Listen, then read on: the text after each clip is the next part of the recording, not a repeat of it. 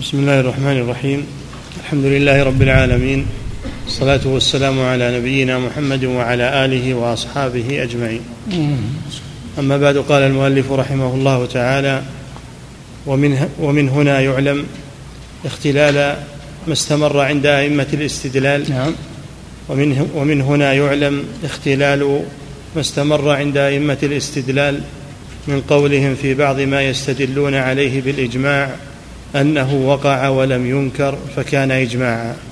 بسم الله الرحمن الرحيم. الحمد لله والصلاة والسلام على رسول الله وعلى آله وأصحابه أجمعين. سبق الكلام عن هذا. قلنا إن الإجماع أصل من أصول الاستدلال. فأصول الأدلة المتفق عليها الكتاب والسنة والإجماع والقياس عند الجمهور. فالإجماع مجمع على أنه حجة وأن من خالفه فهو كافر. قال تعالى قال سبحانه وتعالى ومن يشاقق الرسول من بعد ما تبين له من بعد ما تبين له الهدى ويتبع غير سبيل المؤمنين نوله ما تولى ونصله جهنم وساءت مصيره. وقوله ويتبع غير سبيل المؤمنين أخذ منه العلماء حجية الإجماع. في الحديث لا تجمع أمتي أو لا تجتمع لا تجتمع أمتي على ضلاله. لا تجتمع أمتي على ضلاله. فالأمة معصومة أن تجتمع على ضلاله. هذا لا إشكال فيه. لكن الشأن في تحقق الإجماع. الإجماع على قسمين. القسم الأول إجماع حقيقي. إجماع حقيقي. وهو أن يتفق علماء العصر على حكم من الأحكام الشرعية تحليلا أو تحريما. تتفق كلمتهم على حكم من الأحكام الشرعية أنه حلال وأنه حرام. فهذا إجماع حقيقي لا إشكال فيه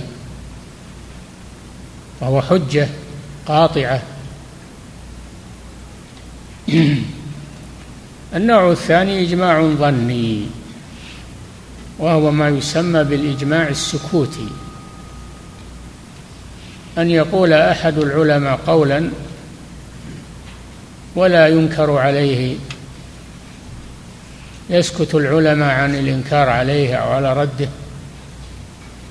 فهذا إجماع سكوتي وفيه خلاف. والمصنف يرى أنه لا لا يحتج به. إجماع السكوتي لا يحتج به. لأن الساكت لا ينسب إليه قول. الساكت لا ينسب إليه قول. وسكوته لا يدل على رضاه. ولذلك سموه ظنيا. سموه إجماعا ظنيا. أما الأول فهو إجماع قطعي. لا يجوز مخالفته. والمصنف تكلم عن النوع الثاني الإجماع الظني السكوتي. وهذا أمره سهل. لا أن المصنف ينكر الإجماع كله لا. إنما يعني الإجماع الظني السكوتي. نعم. ومن هنا يعلم اختلال ما استمر عند أئمة الاستدلال من قولهم في بعض ما يستدلون عليه بالإجماع أنه وقع ولم ينكر فكان إجماعا ووجه ولم ينكر وقع ولم ينكر. يعني سكت عنه فكان إجماعا. نعم. ووجه ووجه اختلاله أن قولهم ولم ينكر رجم بالغيب. رجم بالغيب. من الذي يدري أنه ما أنكر ولا أن أحد أنكره في العالم الإسلامي؟ من يضبط هذا؟ نعم. ووجه اختلاله أن قولهم ولم ينكر رجم بالغيب فإنه قد يكون أنكرته قلوب كثير أنكرته قلوب كثيرة تعذر عليها الإنكار باليد واللسان. نعم فهذا رجم بالغيب لأمرين. الأمر الأول من الذي يحيط بالعلماء في العالم الإسلامي بعد انتشار الإسلام توسع الإسلام من الذي يحيط؟ أنهم كلهم سكتوا. والأمر الثاني قد يكون سكتوا لكن سكتوا لعذر. سكتوا لعذر. منعوا من الكلام أو عذر من الأعذار سكتوا من أجلها. نعم. فإنه قد يكون أنكرته قلوب كثيرة تعذر عليها الإنكار باليد واللسان وأنت تشاهد في زمانك أنه كم من أمر يقع لا تنكره بلسانك ولا بيدك. يعني و... أنت تعلم أنه في زمانك يحصل أمور أنت تنكرها بقلبك لكن لا تتمكن من إنكار إنكارها بلسانك ولا بيدك. ما تتمكن من هذا. نعم ولا يكون هذا إجماعا نعم. وأنت تشاهد في زمانك أنه كم من أمر يقع لا تنكره بلسانك ولا, ولا بيدك وأنت منكر له بقلبك. قوله صلى الله عليه وسلم من رأى منكم منكرا فليغيره بيده فإن لم يستطع فبلسانه فإن لم يستطع فبقلبه. ما كل الناس يقدرون على الإنكار باليد ما كل الناس يقدرون على الإنكار باللسان لكن الإنكار بالقلب لا أحد يمنع منه. لا أحد يمنع من الإنكار بالقلب لا يمكن هذا. نعم. أنه كم من أمر يقع لا تنكره بلسانك ولا بيدك وأنت منكر له بقلبك ويقول الجاهل إذا رآك تشاهده سكت فلان عن الإنكار. يقوله إما لائما أو متأسيا بسكوته فالسكوت لا يستدل به عارف. لا يستدل؟ لا يستدل به عارف. نعم السكوت لا يستدل به عارف بالاستدلال. لأنه يكون لعذر أو ما بلغه هذا الأمر. نعم. وكذا وكذا يعلم اختلال قولهم في الاستدلال. فعل فلان, فعل فلان كذا وسكت الباقون فكان إجماعا. اي هذا هذا ليس إجماعا. قولهم فكان إجماعا هذا غلط. لأن لأنه كونه لم ينكر فيه احتمالات تمنع من الإنكار. نعم. وكذا يعلم اختلال قولهم في الاستدلال فعل فلان كذا وسكت الباقون فكان اجماعا مختلا من جهتين. الأولى دعوى أن سكوت الباقين تقرير لفعل فلان لما عرفت من عدم دلالة السكوت على التقرير. نعم. الثانية قولهم فكان اجماعا فإن الإجماع اتفاق مجتهدي أمة محمد صلى الله عليه وسلم. الاجماع الحقيقي الإجماع الحقيقي هو اتفاق أمة محمد على قول من الأقوال. هذا الحقيقي. نعم. فإن الإجماع اتفاق مجتهدي أمة محمد صلى الله عليه وسلم. والساكت لا ينسب إليه وفاق ولا خلاف حتى يعرب عنه لسانه. نعم. قال بعض الملوك وقد أثنى الحاضرون على شخص من عماله وفيهم رجل ساكت. ما لك لا تقول كما يقولون. فقال إن تكلمت خالفت إن تكلمت خالفتهم. فما نعم هذا دليل على أنه ما رضي بقولهم وهو ساكت. نعم. فما كل سكوت الرضا. نعم فإن. فإن هذه منكرات أسسها من بيده السيف والسنان. نعم السكوت يكون له سبب وهو أن الذي يحدث هذه الأمور لهم سطوة وسلطة ولا يستطيع أحد أن ينكرها ظاهرا لأنهم يبطشون به. نعم. فما كل سكوت الرضا؟ فإن هذه منكرات أسسها من بيده السيف والسنان ودماء العباد وأموالهم تحت لسانه وقلمه وأعراضهم تحت قوله وكلمه فكيف يقوى فرد من الأفراد على دفعه عما أراد؟ نعم كيف يقوى فرد من الأفراد على دفع السلطان عما أراد؟ السلطان بيده السيف بيده القدرة وبيده تصريف الأمور من الذي يقاومه من الأفراد؟ فالسكوت عنه ليس دليلا على الرضا. نعم. فإن هذه القباب والمشاهد التي صارت أعظم ذريعة إلى نعم الشرك. هذا محل محل البحث. يقولون هذه القباب بنيت على القبور ولم ينكرها الناس. وجودها دليل على أنها جائزة. دليل على أنها جائزة. فيجري عليها ما ذكره المؤلف. أن هذه القباب من الذي بناها؟ بناها السلاطين. السلاطين لا أحد يقدر على منعهم. لا أحد يقدر على منعهم. ليس هذا حجة؟ نعم. فإن هذه القباب والمشاهد التي صارت أعظم ذريعة إلى الشرك والإلحاد وأكبر وسيلة إلى هدم الإسلام وخراب بنيانه غالب بل كل من يعمرها هم الملوك والسلاطين والرؤساء والولاة. نعم. يحمونها يبنونها ويحمونها ولا أحد يقدر على معارضتهم ومنعهم. من ذلك فوجودها ليس دليلا على جوازها. سكوت العلماء لعذر سكوت العلماء عنها لعذر.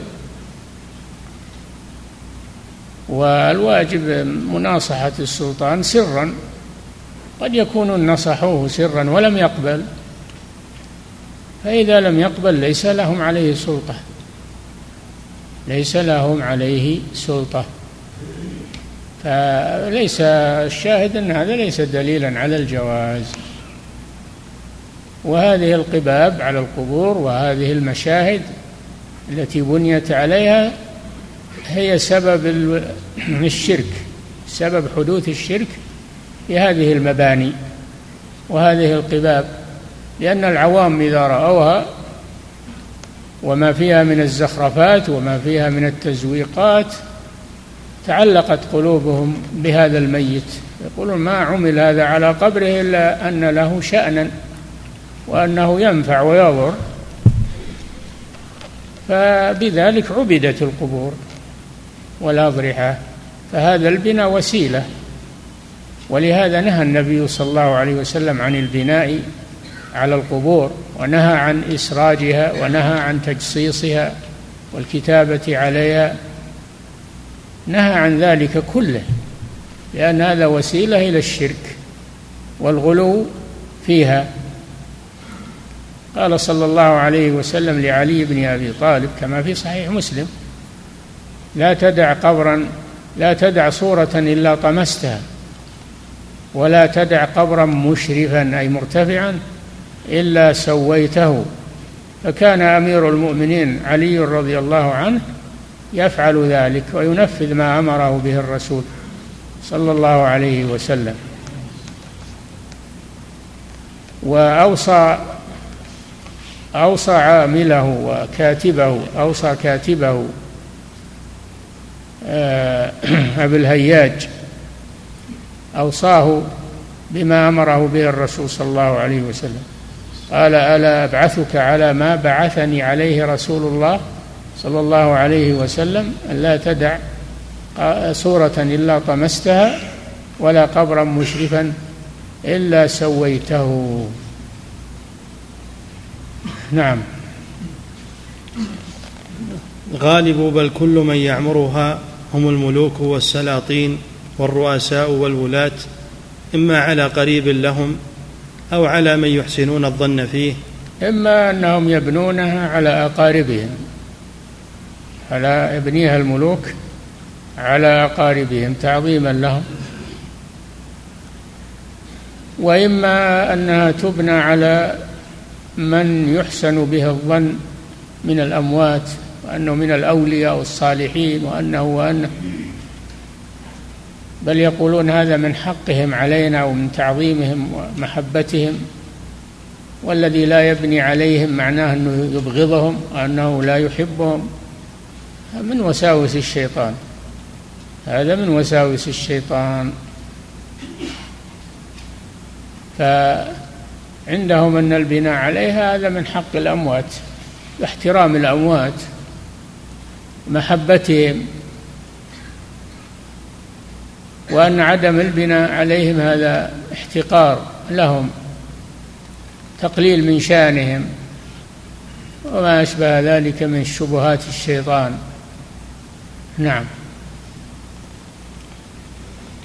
إما على قريب لهم أو على من يحسنون الظن فيه من فاضل أو عالم أو صوفي أو فقير أو شيخ أو كبير. ويزوره الناس الذين يعرفونه زيارة الأموات من دون توسل به. آه، قد يكون إنه يبنى عليه ولكن إذا كان العلم منتشرا والناس يعرفون التوحيد يزورونه الزيارة الشرعية ويسلمون عليه ويدعون له. ثم يذهب هذا الجيل ويأتي من بعدهم قوم جهال فيظنون أن هذا الميت ينفع ويضر. فالبناء على القبور وسيلة. ولو لم تفعل يفعل الشرك عند عند إحداثها فإنه يفعل في المستقبل. كما حصل لقوم نوح لما صوروا صور الصالحين بقصد الاقتداء بهم ومحبتهم ولم يعبدوهم. حتى مات العلماء وذهب الجيل أهل التوحيد فجاء جيل جهال فقالوا إن آباءكم ما صوروا هذه الصور إلا ليعبدوها وبها كانوا يسقون المطر فعبدوها من دون الله. حدث الشرك في الأرض بسبب هذه الصور. فالشيطان يأتي بحيل يأتي بطريق النصيحة. يأتي الإنسان بطريق النصيحة. ما يقول له افعل هذا وخالف الدليل وخالف يقول لا هذا هذا هذا من الدين ومن النصيحة وهذا ينشطك على العبادة. وهذا يحيي ذكر هذا الميت ولا ينسى. يأتون بهذه الأمور يأتي الشيطان بهذه الأمور وهو له قصد آخر أنها تعبد فيما بعد. فلا يتساهل في هذا الأمر. ماذا فعل مع أبينا آدم؟ ما نهاكما ربكما عن هذه الشجرة إلا أن تكونا ملكين أو تكونا من الخالدين. وقاسمهما حلف لهم حلف. قاسمهما إني لكما لمن الناصحين. شوف. هل أدلك على شجرة الخلد وملك لا يبلى؟ فأوقع أبانا آدم في الأكل من الشجرة فحصل ما حصل. وهو يقول له هذا شيء طيب وهذا شيء شجرة الخلد وملك لا يبلى وإلى ويحلف أنه ناصح. الشيطان يأتي بالحيل لإهلاك بني آدم ويأتي بطريق النصيحة وطريق الإشارة بالخير وما أشبه ذلك فينبغي أن يحذر من ذلك. كل شيء ما عليه دليل لا نقبله. ولو حسنه من حسنه لا نقبله إلا بدليل من الكتاب والسنة. نعم. ويزوره الناس الذي الذين يعرفونه زيارة الأموات من دون توسل به ولا هتف باسمه بل يدعون له ويستغفرون حتى هذا في هذا في أول الأمر. هذا في أول الأمر.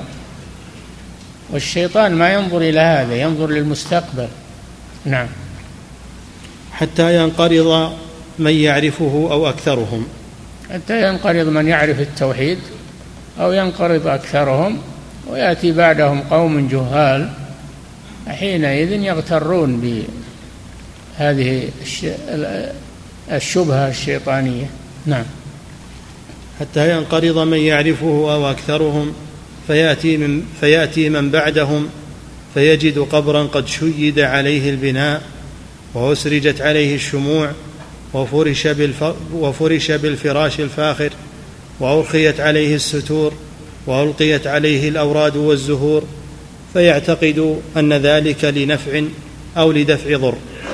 نعم إذا رأى هذه المظاهر على القبر قال هذا قبر له شأن وصاحبه هذا له شان عند الله وينفع ويضر الشيطان شياطين الإنس والجن يزينون له هذا فتعبد القبور بهذه الطريقة وهذا هو هذا هو الواقع. الآن هل يبحثون عن الآثار ويعظمون الآثار ويحيونها يقولون الناس عرفوا التوحيد وأنتم كل الشرك كل الشرك. ما تحسنون الظن بالناس الناس يعرفون التوحيد ما هم مشركين. نقول لهم نعم الناس الآن يعرفون التوحيد والحمد لله وعلى بصيرة لكن نحن نخاف على المستقبل نخاف ما يجد فيما بعد. وأيضا الحي لا تؤمن عليه الفتنة الحي لا تؤمن عليه الفتنة. فإذا وجد السبب والوسيلة فالشيطان حاضر يزين للناس هذه الأمور. فنحن نهدم هذه الوسيلة من الأصل. يكفينا سنة الرسول صلى الله عليه وسلم في القبور.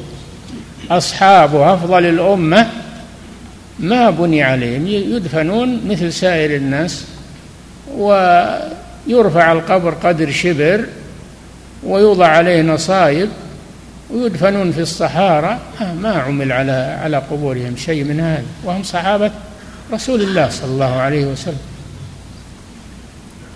نعم. بل إن قبر الرسول صلى الله عليه وسلم ما رفع قد إلا قدر شبر ووضع عليه بطحة. وضعت عليه البطحة يعني شيء من الحجارة الصغيرة لتمنع التراب ما يتطاير. ووضع عليه نصائب مثل سائر القبور. هذا قبر الرسول صلى الله عليه وسلم وقبر عمر وقبر أبي بكر وقبر عمر. هكذا. مثل قبور المسلمين ما عليها ما رفعت بتراب زايد ولا وضع عليها أشياء. نعم. فيأتي من بعدهم فيجد قبرا قد شيد عليه البناء وأسرجت عليه الشموع وفرش بالفراش الفاخر وأرخيت عليه الستور وألقيت ألا, ألا يلفت هذا الأنظار؟ هذا يلفت الأنظار. ويجذب القلوب إلى هذا القبر. لا سيما مع الجهل يجذب القلوب إليه. ولذلك الناس الآن في كثير من البلاد ما يعتبرون المساجد التي ليس فيها قبور رخيصة عندهم ولا يذهبون إليها وإنما يذهبون إلى المساجد التي على القبور يسافرون لها ويجتمعون عندها ويهتمون بها. نعم أما المساجد التي على السنة هذه رخيصة عندهم ولا يلتفتون إليها. نعم. وأرخيت عليه الستور وألقيت عليه الأوراد والزهور فيعتقد الأوراد والزهور. نعم يطيبونها يرشقون عليها دهن الورد ويرشقون عليها دهن, دهن العود والبخور. نعم. فيعتقد أن ذلك لنفع أو لدفع ضر ويأتي, ويأتي السدنة يكذبون على الميت بأنه زيادة تضليل عنده سدنة من الذين يأكلون أموال الناس بالباطل فيلقنون الزوار أن هذا ميت فلان وهذا يقضي الحوائج وفلان حصل له كذا وفلان حصل له كذا ويغرونهم بذلك من أجل أن يأخذوا منهم النقود على الزيارة. يأخذون منهم النقود على الزيارة ويعيشون على هذا والعياذ بالله. نعم. ويأتي السدنة يكذبون على الميت بأنه فعل وفعل وانزل وأنزل بفلان. يوزعون كتب. يوزعون كتب عند القبور. فيها تراجم هؤلاء وأفعالهم وما حصل منهم من الكرامات وإلى آخره. نعم. ويأتي السدنة يكذبون على الميت بأنه فعل وفعل وأنزل بفلان الضر وبفلان النفع حتى يغرسوا في جبلته كل باطل. نعم. دعاة ضلال والعياذ بالله. دعاة ضلال. نعم. ولهذا الأمر ثبت في الأحاديث النبوية اللعن على من أسرج على القبور. وك... نعم. نعم. على من أسرج على القبور. اللعن على من أسرج على القبور وكتب عليها وبنى عليها. قال صلى الله عليه وسلم لعن الله زوارات القبور والمتخذين عليها المساجد والسرج. متخذين عليها المساجد والسرج. نعم هذا لعن من الرسول صلى الله عليه وسلم. نعم. على من أسرج على القبور وكتب عليها وبنى عليها وأحاديث ذلك واسعة معروفة. نعم موجودة. في كتب الحديث في كتب العقائد. ولشيخ الإسلام ابن تيمية رحمه الله رسائل في هذا في الرد على القبوريين ودحض شبهاتهم. نعم. فإن ذلك في نفسه منهي عنه ثم هو ذريعة إلى مفسدة عظيمة. أولا أنه منهي عنه ولا يجوز مخالفة النهي وما نهاكم عنه فانتهوا. وثانيا أنه ذريعة إلى الفساد في العقيدة وإلى وإلى الشرك. نعم. فإن قلت هذا قبر رسول الله صلى الله عليه وسلم. هذه شبهة. هذه شبهة يقولون قبر الرسول عليه قبة قبة خضراء. وراكم تنكرون القباب التي على قبور الصالحين وقبة قبر الرسول عليه قبة.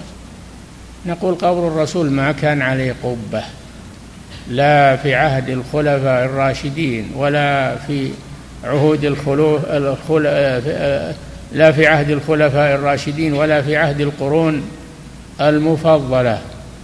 ولا في الصدر الأول ما كان عليه قبة. إنما بنيت القبة متأخرة بقرون طويلة. من اللي بناها؟ بناها أحد السلاطين بسلطته وقوته. نعم. فإن قلت هذا قبر رسول الله صلى الله عليه وسلم قد عمرت عليه قبة عظيمة أنفقت فيها الأموال قلت هذا جهل عظيم بحقيقة الحال. فإن هذه القبة ليس بناؤها منه صلى الله عليه وسلم ولا من أصحابه ولا من تابعيهم ولا تابع التابعين ولا من علماء أمته وأئمة, وأئمة ملته. نعم. بل هذه القبة المعمولة على قبره صلى الله عليه وسلم من أبنية بعض ملوك مصر المتأخرين وهو قالوون الصالحي المعروف بالملك المنصور في سنة ثمان وسبعين وستمائة. القرن السابع. ما بنيت إلا بالقرن السابع. على يد ملك من الملوك والملوك كما سمعتم لهم سلطة وسطوة ولا أحد يقدر يمنعهم من من ذلك. ولم يكن هذا بمشورة من أهل العلم. ولا من فعل السلف الصالح. وهذا بعد عصور الفاطمية التي جلبت القبورية على المسلمين في بلاد مصر وغيرها. فهذا الملك جاء بعدهم وبنى هذه القبة. نعم تأثرا بهم تأثرا بهؤلاء الفاطميين. الذين أول من أدخل القبورية على المسلمين وأول من أدخل الصوفية على المسلمين هم الفاطمية الشيعة الباطنية. نعم. ذكره في تحقيق النصرة بتلخيص معالم دار الهجرة. كتاب من تاريخ المدينة تحقيق النصرة. ذكر أن الذي بنى هذه القبة هو هذا الملك. هذا الملك. في القرن السابع من الهجرة. نعم. فهذه أمور دولية لا دليلية.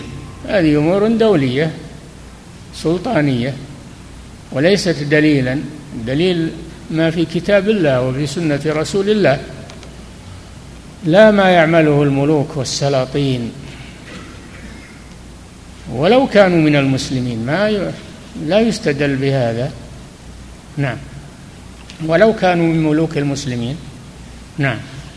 فهذه أمور دولية لا دليلية يتبع فيها الآخر الأول. نعم ولا أحد يستطيع يقف في وجوههم. فإن قلت اذا لماذا لا تزال هذه القبة الآن؟ نقول هذه قبة وجدت ومر عليها تاريخ طويل. ولو زيلت للا حدث فتنة لحدث فتنة بسبب إزالتها. حصل الكلام ويقولون احتقرتم الرسول ما تحبون الرسول إلى آخره. ودرع المفاسد مقدم على جلب المصالح. ارتكاب خف الضررين بدفع أعلاهما. نعم. وهذا آخر ما أردناه مما أوردناه. لما عمت البلوى واتبعت الأهواء وأعرض العلماء هذا آخر ما أورده المصنف رحمه الله في مسألة القبور والغلو فيها. نعم. وهذا آخر ما أردناه مما أوردناه لما عمت البلوى واتبعت الأهواء وأعرض العلماء عن النكير الذي يجب عليهم ومالوا إلى ما مالت العامة إليه أعرض العلماء هذا ما هو على عمومه. في من العلماء من ينكر هذا؟ في من العلماء من ينكر هذا ويبين بطلانه لكن لا يؤخذ بقولهم. لا يؤخذ بقولهم. نعم. لما عمت البلوى واتبعت الأهواء وأعرض العلماء عن النكير الذي يجب عليهم ومالوا إلى ما مالت العامة إليه وصار, وصار المنكر معروفا والمعروف منكرا ولم نجد من الأعيان ناهيا عن ذلك ولا زاجرا. نعم هذا باعتبار الأغلب ولا يمنع هذا أن يكون من العلماء من أنكر ذلك. كما حصل من شيخ الإسلام ابن تيمية وابن القيم و ومن جاء بعدهم كشيخ الإسلام محمد بن عبد الوهاب كلهم ينكرون هذا. وهذا موجود في كتبهم ورسائلهم. نعم. فإن قلت قد يتفق للأحياء وللأموات اتصال جماعة بهم يفعلون خوارق من الأفعال. هذه شبهة ثانية وهي أن هؤلاء الأموات يحصل لمن يتعلق بهم يحصل له شيء من مقاصده وحوائجه.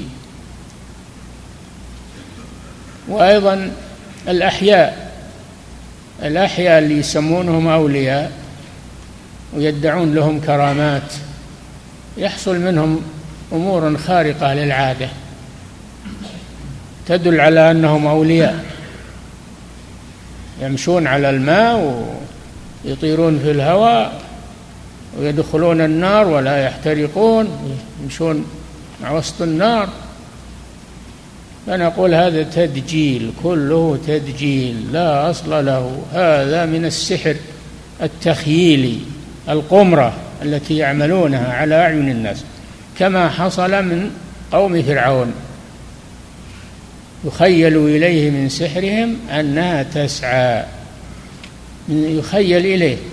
سحروا أعين الناس واسترهبوهم وجاءوا بسحر عظيم. هذا سحر تخييلي.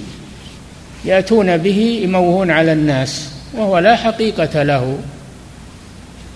لا حقيقة له. هذا ما يسمى بالقمرة ويسمى الآن بالسيرك. إيجاب في الحفلات مع الأسف. وقال هذا فن من الفنون. وهذه حركات آه، سريعة وما أشبه ذلك. كل هذا من الباطل. هذا سحر سحر تخييلي لأن السحر على قسمين. سحر حقيقي يؤثر في النفوس وفي القلوب وفي الأبدان يقتل ويمرض. هذا حقيقي. وسحر تخييلي أو ما يسمى بالقمرة وهذا هو الذي يحصل على أيدي هؤلاء الدجاجلة. يمسكون الحيات ويعملون أشياء. لا حقيقة لها وإنما هي تخيل على على الأعين. فإذا ذهبت القمرة عادت الأمور إلى ما كانت. يجعلون الحشرات كأنها خراف كأنها أغنام. ثم إذا راح السحر عادت حشرات على طبيعتها.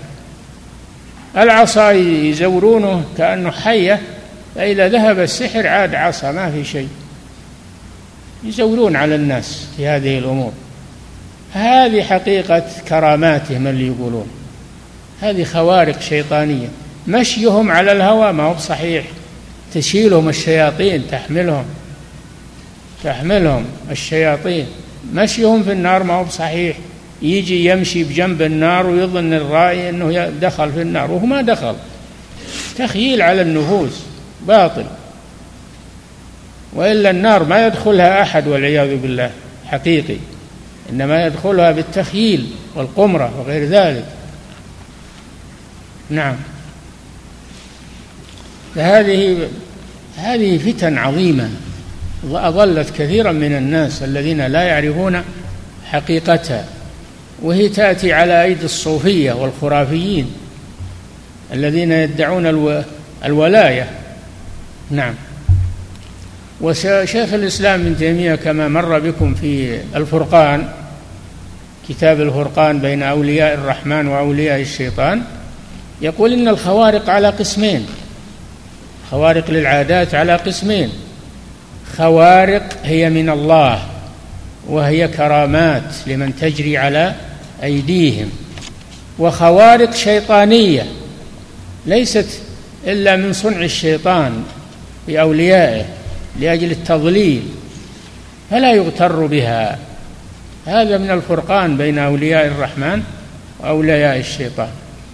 وينظر في حال من تجري على يديه. يمكن تقول أنا ما أفرق بين هذا وهذا. نقول انظر إلى حال من تجري على يديه.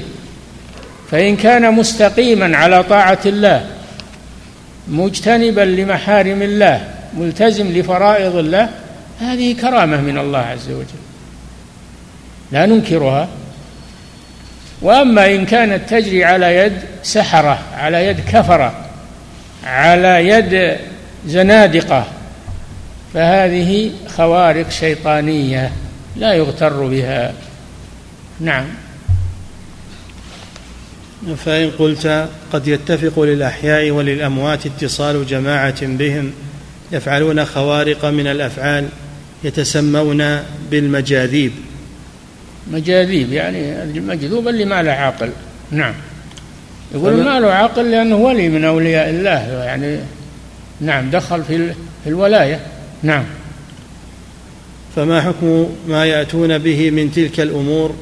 فإنها مما جلبت القلوب إلى الاعتقاد بها. هذه شبهة خطيرة والعياذ بالله. شبهة خطيرة جدا. ضل بها كثير من الناس. وهذه قد تكون أشد من البناء على القبور. نعم.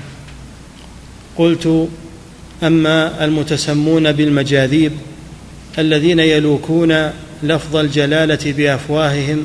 من من أعمالهم الخبيثة الذكر اللي يقولون أنه ذكر لله. ما يقولون لا إله إلا الله. يقولون الله الله الله. بعضهم ما يقول الله يقول هو هو هو. يقول هذا الذكر. هل الاسم المفرد هل الاسم المفرد يكون ذكرا؟ الله الله هذا ذكر؟ لا. لازم يكون جملة. الله أكبر لا إله إلا الله استغفر الله سبحان الله. هذا الذكر يكون يكون كلام ما يكون كلمة واحدة فقط. الله الله الله. هو هو هو. بعضهم يقول أنا أخاف أموت قبل أكمل لا إله إلا الله.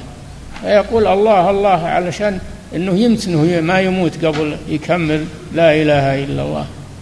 بعضهم يقول أنا ما يمكن أقول الله الله لأنه ربما يجينا الموت. يقول هو هو أخسر من هكذا الشيطان يتدرج بهم والعياذ بالله إلى هالحد الله الله ما تنفع. هو هو ما تنفع وليست ذكرا لله عز وجل.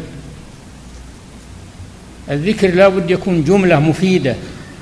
كلام. أما الله الله هو هو هذا من كلام المجانين. الهذيان. نعم. قلت أما المتسمون بالمجاذيب الذين يلوكون لفظ الجلالة بأفواههم يقولون الله الله. نعم. ويلوون بها بألسنتهم ويخرجونها عن لفظها العربي فهم من أجناد إبليس اللعين. ومن أعظم حمر الكون الذين ألبستهم الشياطين حلل التلبيس والتزيين.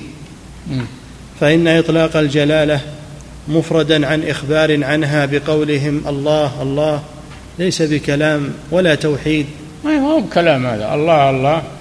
أو تقول زيد زيد زيد زيد هذا كلام. ما هو كلام. هذه كلمة. هذه تسمى كلمة. أنتم تعلمون النحاة يفرقون بين الكلمة والكلام. الكلمة قول مفرد والكلام قول مركب من مبتدأ وخبر أو فعل وفاعل جملة مفيدة. كلامنا يقول ابن مالك رحمه الله في الألفية كلامنا لفظ مفيد كاستقم. لفظ مفيد هذا ما يفيد هذا الله الله ما يفيد. لفظ مفيد كاستقم واسم وفعل ثم حرف الكلم واحدة كلمة والقول عم وكلمة بها كلام قد يؤم إلى آخر ما في الألفية من هذا. هذا هذا اللي عند أهل العربية اللي ما هم بالمجاذيب والمجانين و... نعم. فإن إطلاق الجلالة مفردا عن إخبار عنها بقولهم الله الله ليس بكلام ولا توحيد. نعم. ليس بكلام ولا توحيد وإنما هو تلاعب بهذا اللفظ الشريف نعم. بإخراجه عن لفظه العربي ثم إخلاؤه عن معنى من المعاني. ولو أن رجلا عظيما صالحا يسمى بزيد. نعم. وصار جماعة يقولون زيد زيد. لعد ذلك استهزاء وإهانة وسخرية. إيه، لو يقف واحد قدام الملك ملك اسمه زيد يقول زيد زيد زيد زيد. الملك يبي يغضب عليه يقول هذا يسخر مني. لأن هذا ما هو بكلام. ولهذا يقال إن أحد المشايخ كان عند أحد الأشراف في مكة والناس يقولون هو هو هو. قال قال الشيخ للشريف يا يا إمام أو يا أمير هذا هذا له لعب. قال لا هذا ذكر. قال طيب أنت اسمك عون. لو جاء واحد يقول عو عو عو عو ترضى عنه قال لا. قال اذا هذا سخرية. سخرية بالله. فعند ذلك قبل الشريف ومنع هذا بسبب دعوة هذا العالم. نعم. لعد ذلك استهزاء وإهانة وسخرية ولا سيما إذا زاد إلى نعم. ذلك. وصار جماعة يقولون زيد زيد لعد ذلك استهزاء وإهانة وسخرية ولا سيما إذا زاد إلى ذلك تحريف اللفظ. نعم. ثم انظر هل أتى في لفظة من الكتاب والسنة ذكر الجلالة بانفرادها وتكريرها؟ هل جاء في الكتاب والسنة الذكر بلفظ الله؟ ابدا. اللي جاء الله لا إله إلا الله الله لا إله إلا هو. استغفر الله لا حول ولا قوة إلا بالله. وجمل مفيدة هذه الأذكار. أما الله ما ورد في الكتاب والسنة. إلا أنهم يقولون آه، قل من أنزل الكتاب الذي جاء به موسى نورا وهدى للناس تجعلونه قراطيس تبدونها تخفون كثيرا. وعلمتم ما لم تعلموا أنتم ولا آباؤكم. قل الله. قالوا الله هذه جاءت مفردة بالقرآن. نقول ما هي مفردة؟ هذا كلام مقدر معه جم... كلام آخر. الله يعني الله الذي أنزل هذا. الله الذي أنزل الكتاب الذي جاء به موسى. الله فالكلام فيه تقدير. دل عليه السياق. دل عليه السياق. لأنه جواب لمن أنزل الكتاب الذي جاء به موسى. الجواب الله الذي أنزل الكتاب. هذا مقتضى العربية التي نزل القرآن بها ما جاء بلفظ مفرد. إنهم كانوا إذا قيل لهم لا إله إلا الله يستكبرون. ما قال إذا قيل لهم الله الله؟ قال إذا قيل لهم لا إله إلا الله. فاعلم أنه لا إله إلا الله. ولم يقل اعلم الله الله. هذا كلام كذب افتراء على الله وعلى رسوله وليس هذا ذكرا لله عز وجل. نعم. ثم انظر هل أتى في لفظة من الكتاب والسنة ذكر الجلالة بانفرادها وتكريرها. دون أن تأتي في سياق وتقدير كما في الآية. نعم. أو الذي فيهما هو طلب الذكر والتوحيد والتسبيح والتهليل. نعم. وهذه أذكار رسول الله صلى الله عليه وسلم وأدعية آله وأصحابه خالية من هذا الشهيق والنهيق والنعيق. إذا راجعت كتب الأذكار الواردة عن الرسول صلى الله عليه وسلم وعن أصحابه ما تجد هذه الألفاظ فيها؟ الله الله أو هو هو. ما تجد هذا فيها؟ تجد فيها لا إله إلا الله أستغفر الله لا حول ولا قوة إلا بالله ما شاء الله إلى آخره. هذا الموجود في الأذكار الشرعية والأحاديث النبوية والآيات القرآنية ما فيها أسماء مفردة كما يقولون. نعم. وهذه أذكار رسول الله صلى الله عليه وسلم وأدعية آله وأصحابه خالية من هذا الشهيق والنهيق والنعيق. الشهيق عند الصوفية أه؟ الشهيق والنهيق. نهيق الحمار يعني شبههم بالحمير. نعم. والنعيق. نعيق الغراب. نعيق الغراب. شبههم بها بالحيوانات. نعم. خالية من هذا الشهيق والنهيق والنعيق الذي اعتاده من هو عن الله وعن هدي رسول الله صلى الله عليه وسلم وسمته ودله في مكان سحيق. نعم. في مكان سحيق يعني بعيد عما جاء عن الله وعن رسوله. نعم. ثم قد يفيضون إلى الجلالة الشريفة أسماء جماعة من الموتى مثل ابن عون ابن عوان وأحمد ابن الحسين. أه؟ علوان علوان. مثل ابن علوان اللي يزعمون أنهم أولياء؟ نعم. وأحمد ابن الحسين. وعبد القادر والعيدروس يزعمون إنهم أولياء. بعضهم نعم أولياء لكن ما يرضون بهذا ما يرضون بهذا العمل. نعم. بل قد انتهى الحال إلى أنهم يفرون إلى أهل القبور من الظلم من الظلم والجور. نقف عند هذا. نعم.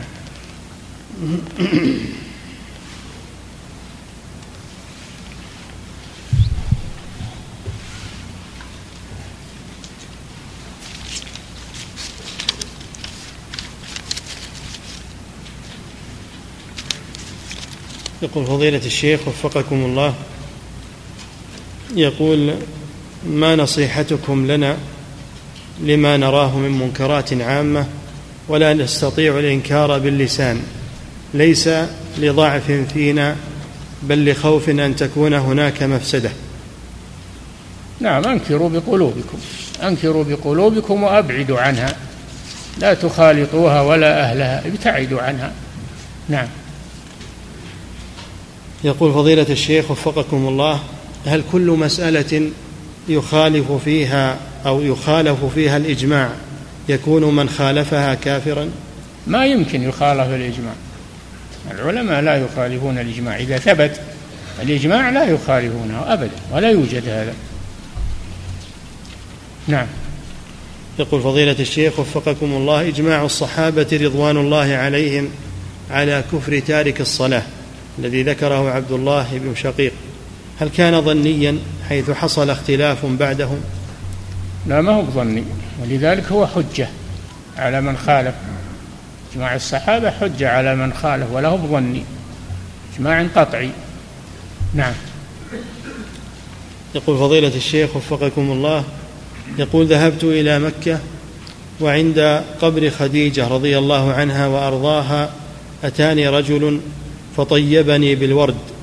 فلما سألته عن هذا قال لي إن خديجة رضي الله عنها كانت تحبه وتتطيب به وأن من السنة أن تتطيب به عند قبرها أو أن يتطيب به عند قبرها. فهل كلامه هذا صحيح؟ هذا باطل. هذا باطل. خديجة لا تقر أن يتخذ قبرها مكان للتطيب وما أشبه ذلك. هذا كذب عليها. ولا يجوز عمل مثل هذا عند القبور. لا يجوز يطيبون القبور ولا يطيبون الزوار والحاضرين ما يجوز هذا. كذلك الآن يجيبون الماء عند الدفن ويسقون الناس هذا ما يجوز هذا مبدأ شر يفتح باب بدع في المستقبل. يجيبون باسر طعام يجيبون غداء يجيبون ما يجوز هذا عند القبور أبدا ولا يفتح هذا الباب. بحجة أن الناس يعطشون. طيب اللي عطش هو مربوط يروح يطلع ويشرب. الحمد لله. نعم. يقول فضيلة الشيخ وفقكم الله يقول استدل بعض كبار الصوفية على جواز الذكر بالاسم المفرد الله بالكتاب والسنة فقال أما الكتاب فقوله سبحانه واذكر اسم ربك؟ قال فهنا الأمر بذكر اسم الله. وأما السنة اذكر اسم ربك بالتسبيح والتهليل والتكبير. هذا معناه اذكر اسم ربك بالتسبيح والتكبير والتهليل. القرآن يفسر بعضه بعضا والسنة تفسر القرآن. نعم. يقول وأما السنة فقول النبي صلى الله عليه وسلم في الحديث قال حتى لا يقال في الأرض الله الله فبماذا نجيب عنه؟ يعني يكون أهل الأرض في ذاك الوقت لا يعترفون بالله ولا يؤمنون بالله يكونون دهرية ملاحدة. نعم. يقول فضيلة الشيخ وفقكم الله يقول يعني يصبر لما يصير معهم إن شاء الله ويصير حكمه حكمهم. نعم. يقول فضيلة الشيخ وفقكم الله يقول هل فعل الإمام أحمد بن حنبل رحمه الله في إنكار مسألة خلق القرآن على السلطان. نعم. هل عمل الإمام أحمد بن حنبل رحمه الله في إنكاره في مسألة خلق القرآن على السلطان وما تعرض له؟ هل فعله هذا؟ الإمام أحمد هو الذي ابتلي هو الذي ابتلي. يبي يلزمونه يقول بخلق القرآن. يبي يلزمونه بخلق القرآن. امتنع أن يقول هذا رحمه الله. هم اللي ابتلوه وعذبوه وما تعرض لهم. هم اللي هم اللي ابتلوه بهذا يريدون أن يجبروه على القول بخلق القرآن. فامتنع رحمه الله. نعم. يقول فضيلة الشيخ وفقكم الله يقول هل المقصود بالقبر المشرف ما هو عليه العمل الآن يكون التراب مرتفعا عن الأرض أم نفس الميت يكون فوق الأرض ويدفن؟ أما المراد؟ المراد بالقبر المشرف المرتفع. عن غيره من القبور. أزود من شبر. ما زاد عن الشبر فهو مشرف. نعم. يقول فضيلة الشيخ وفقكم الله يقول هل يمكن لقوم من عصر ثان أن يجتهدوا في مسألة قد أجمع عليها قوم من العصر الأول؟ يا أخوان الإجماع إذا ثبت لا يخالف في أي عصر من العصور. الإجماع إذا ثبت ما يخالف. إذا كان إجماعا قطعيا. أما الإجماع الظني فهذا ما ما هو صريح. نعم. يقول فضيلة الشيخ وفقكم الله يقول هل وقع الإجماع بعد الصحابة رضوان الله عليهم؟ الله أعلم. قد يقع. ما, ما ننفي ولا ما ندري. نعم. يقول فضيلة الشيخ وفقكم الله كيف تكون الزيارة الشرعية للقبور؟ هل يجوز أن تكون النية لزيارة قبر معين كأب أو جد؟ فإن جاز فماذا يقال عند قبره؟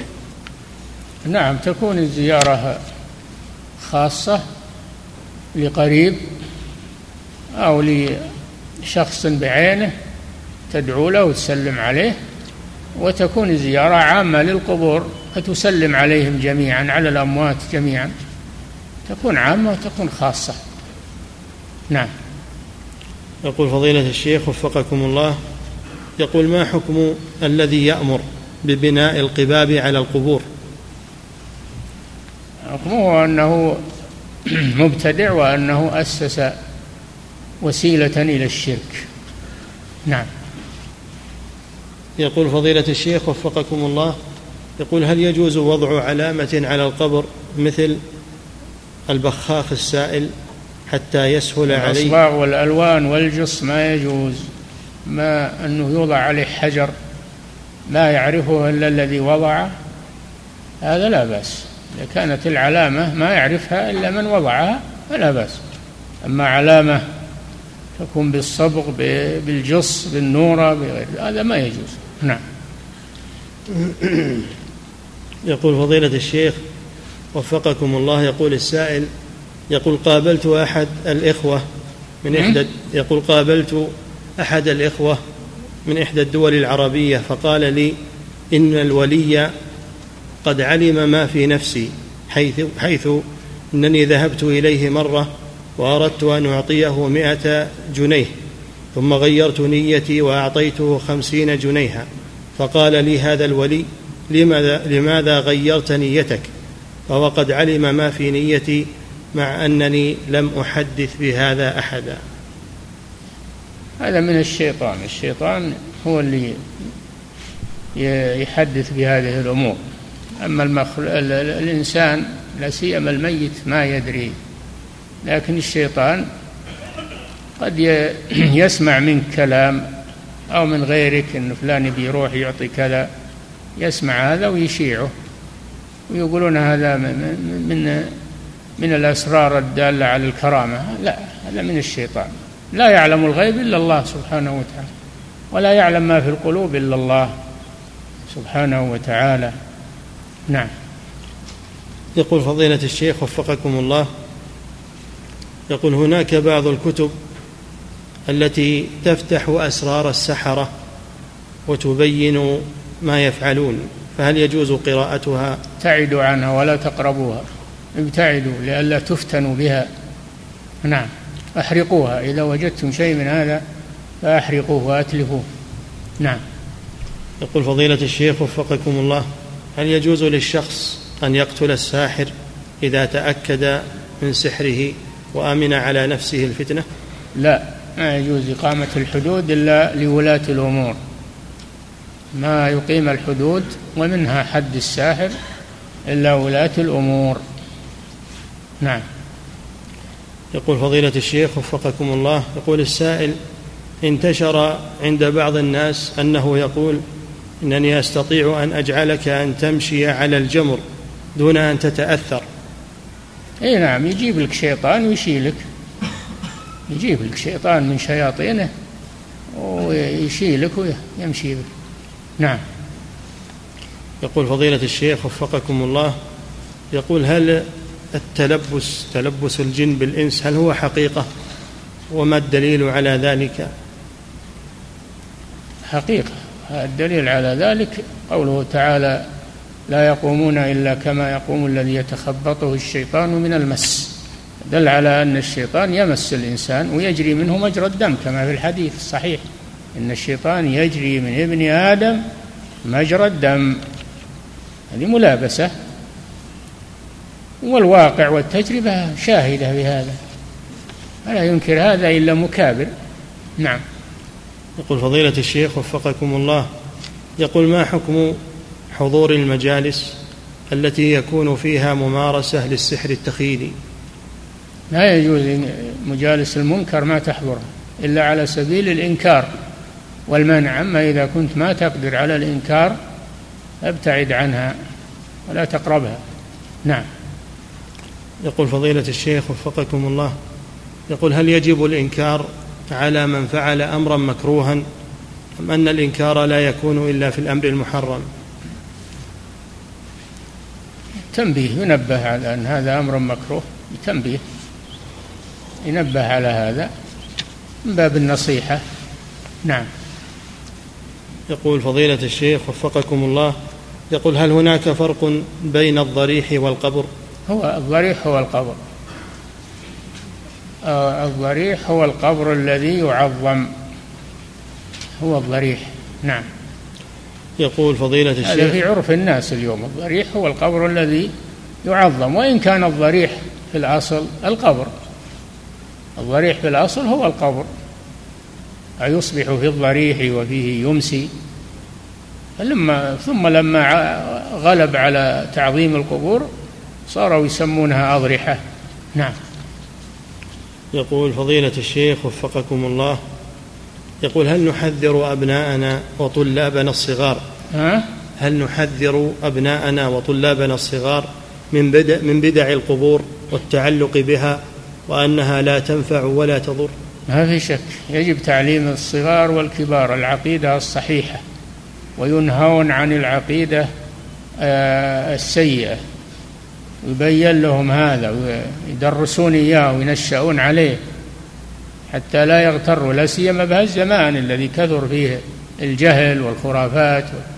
نعم يقول فضيلة الشيخ وفقكم الله يقول السائل سمعت أحد أئمة المساجد في دعاء القنوت في رمضان يقول بصوت عال يا الله فيرددها والناس تردد بعده يا الله فيحصل الخشوع ثم يبدأ الإمام بعد ذلك في الدعاء بعد خضوع القل بعد خضوع القلوب. هل هذا العمل شرعي؟ لا هذا لا يجوز. يا الله بس ما, ما يجوز هذا. نعم. يقول يا الله اغفر لي يا الله ارحمني يا الله تب علي لا بأس. أما بس يا الله يا الله ما. نعم. يقول فضيلة الشيخ وفقكم الله يقول كثير من الناس أو يستدلون بسكوت غالب العلماء علماء السنة عند انتشار البدع والأهواء لا سيما في زماننا هذا وإذا كان ثمة إنكار فإنه يكون بلا ارتفاع لصوت أهل العلم وتصريحاتهم. يقول ما التعليق على ما ذكر؟ هذا ما هو بصحيح. ما ما يسكت أهل السنة كلهم. لا بد يقيم الله من ينكر من أهل السنة والجماعة وإن لم يكونوا كثيرين وقد يكون واحدا يقيم الله به الحجة على عباده. قولوا ما إنهم يسكتون لا ما ما سكتوا كلهم. نعم. يقول فضيلة الشيخ وفقكم الله يقول هل يجوز لنا أن نقول لا إله إلا الرحمن؟ لا إله إلا الله يا أخي لماذا تغيرها. لا إله إلا الله كما جاءت. نعم. يقول فضيلة الشيخ وفقكم الله يقول هل يوجد فرق في الحكم بين تصوير الكائن الحي بكامله وبين تصوير جزء منه كرأسه فقط أو نصف الجسم؟ الصورة الوجه. الصورة هي الوجه. وأما إذا صورت يده ولا رجله وإلا بعض أعضائه هذه ليست صورة. لكن إذا صور وجهه هذه هي الصورة المنهي عنها. نعم. فضيلة الشيخ وفقكم الله وهذا يقول هل تجوز طباعة صور لذوات الأرواح لأجل التعليم وبعد الطباعة يمسح الوجه فيها؟ لا. تعليم غني عن الصور والحمد لله. تعليم غني عن الصور. ما حاجة إلى الصور؟ نعم.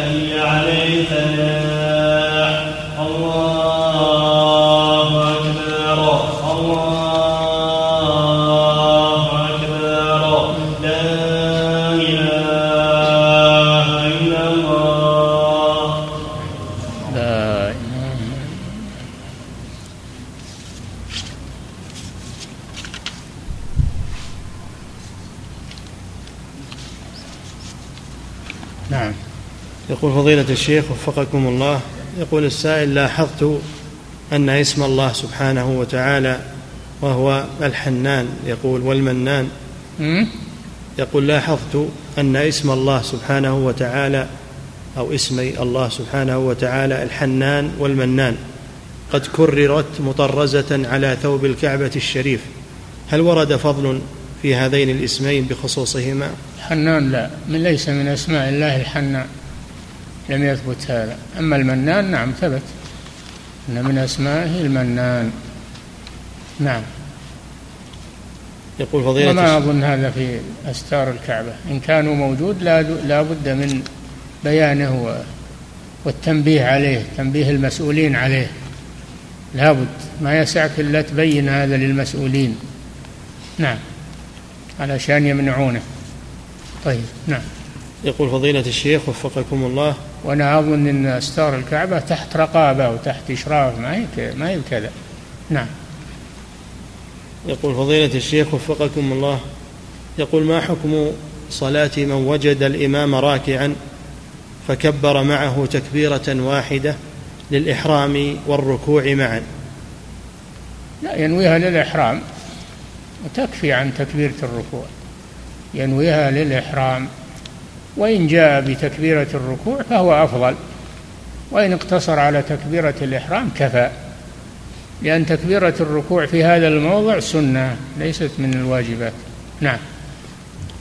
يقول فضيلة الشيخ وفقكم الله يقول شاب يحفظ كتاب الله سبحانه مع حسن صوت وترتيل وهو مهتم بالدعوة إلى الله ولكن قد ابتلاه الله بسلس الريح مع خروج إفرازات من دبره مستمرة. سؤاله هل يجوز له أن يؤم الناس في الصلاة الفريضة بصفة دائمة وبلده محتاجة إليه في ذلك؟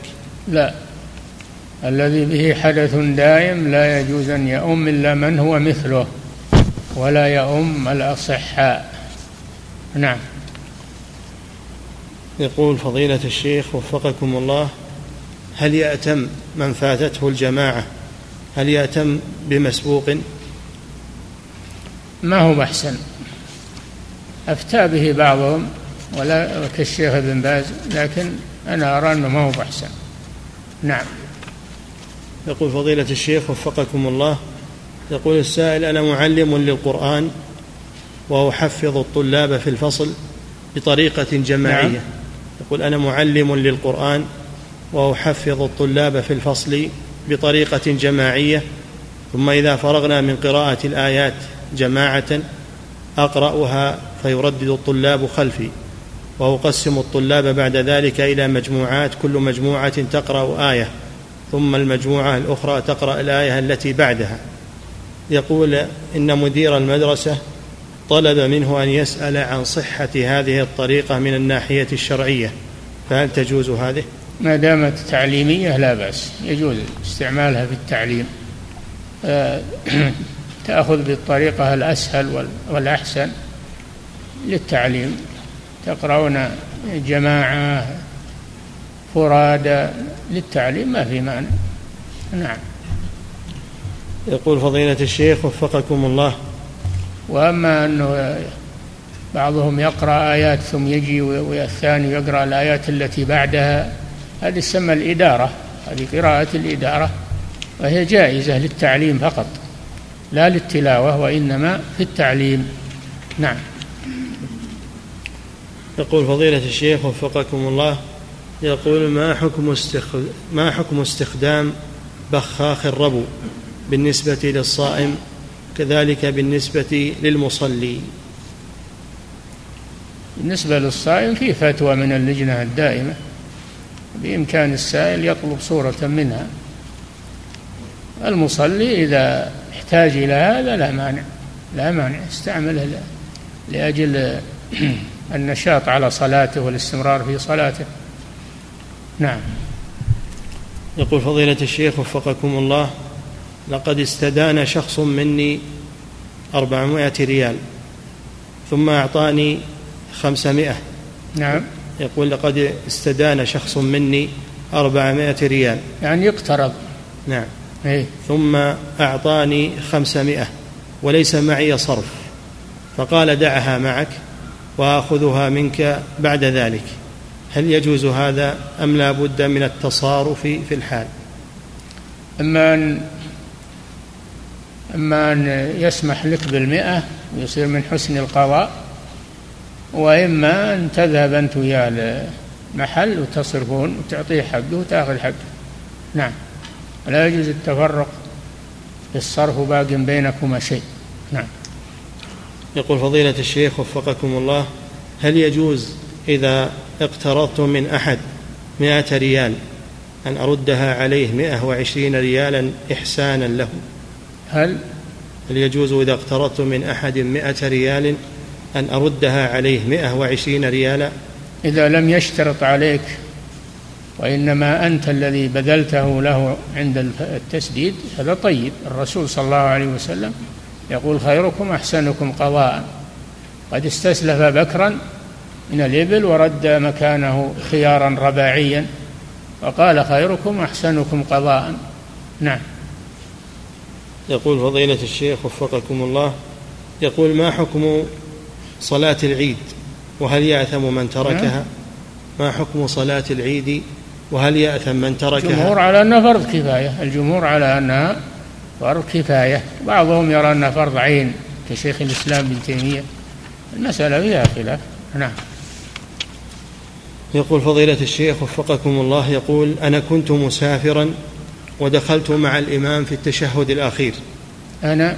أنا كنت مسافرا ودخلت مع الإمام في التشهد الأخير وقصرت الصلاة وأنا أعلم أنه قد أتمها أربعا فهل صلاتي فيها شيء؟ نعم ما هي بصحيحة.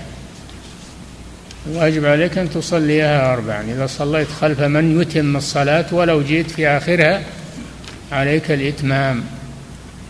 نعم.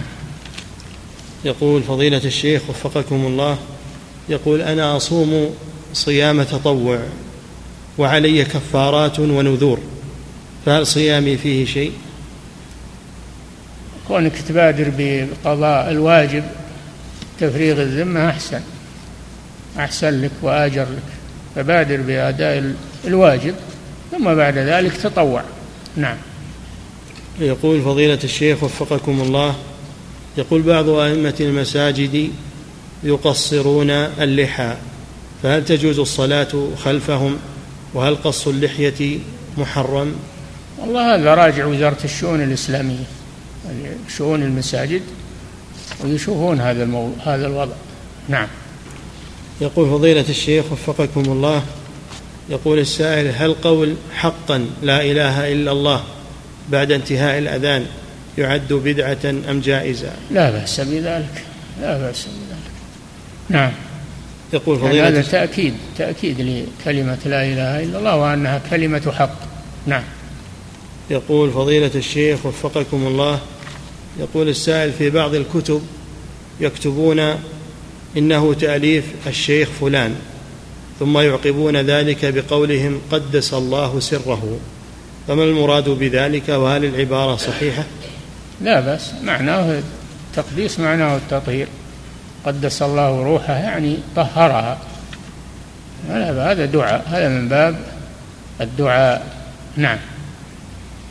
يقول فضيلة الشيخ وفقكم الله يقول رجل ليس عنده بر. رجل ليس عنده بر فأعطيته ليس عشرين عنده إيش؟ بر طحين بر. بر. نعم. يقول فأعطيته عشرين كيلو من البر بشرط أن يردها علي بعد شهرين. فهل يدخل هذا في ربا النسيئة؟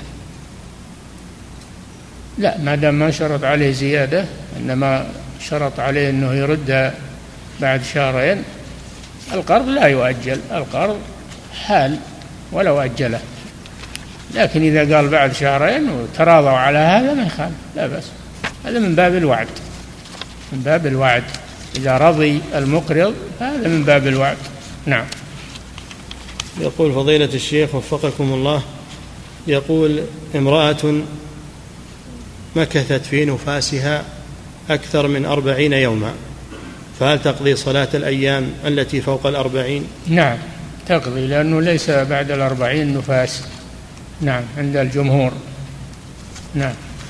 يقول فضيلة الشيخ وفقكم الله يقول السائل إن بعض طلبة العلم يقولون إن الأولى والأقرب للسنة ألا تفصل مصليات النساء عن مصليات الرجال بل تصلي النساء في مؤخرة المسجد كما هو الشأن في عهد النبي صلى الله عليه وسلم. المهم أن تكون النساء خلف الرجال لا تختلط مع الرجال.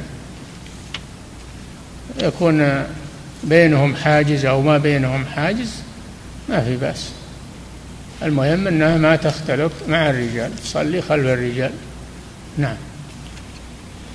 يقول فضيلة الشيخ وفقكم الله يقول السائل أنا وكيل مدرسة وأحيانا تأتيني بعض أمهات الطلاب فتكلمني في الشارع أمام المدرسة أو داخل المبنى في الممرات إذا أرادت أن تستفسر عن دراسة ولدها فهل في ذلك شيء؟ وهل أنا آثم إذا فعلت ذلك معها؟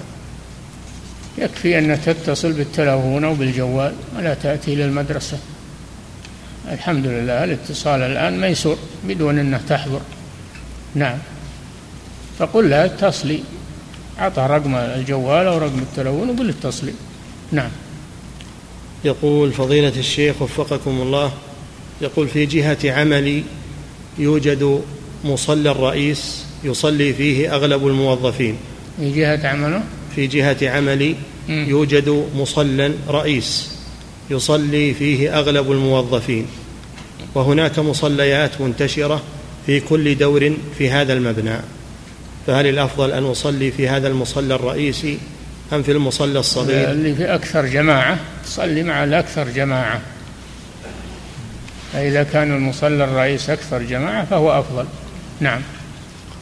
يقول فضيلة الشيخ وفقكم الله يقول ما حكم ظهور بعض الداعيات بنصح الناس في إذاعة القرآن أو في إذاعة غيرها. هل فيها؟ ينصحن أنفسهن لا يظهرن أمام الناس. ينصحن أنفسهن أول شيء لا يظهرن أمام الناس. في الرجال كفاية ولله الحمد في وسائل الإعلام فيهم كفاية. نعم. انتهى والله تعالى أعلم وصلى الله وسلم على نبينا محمد وعلى آله وصحبه.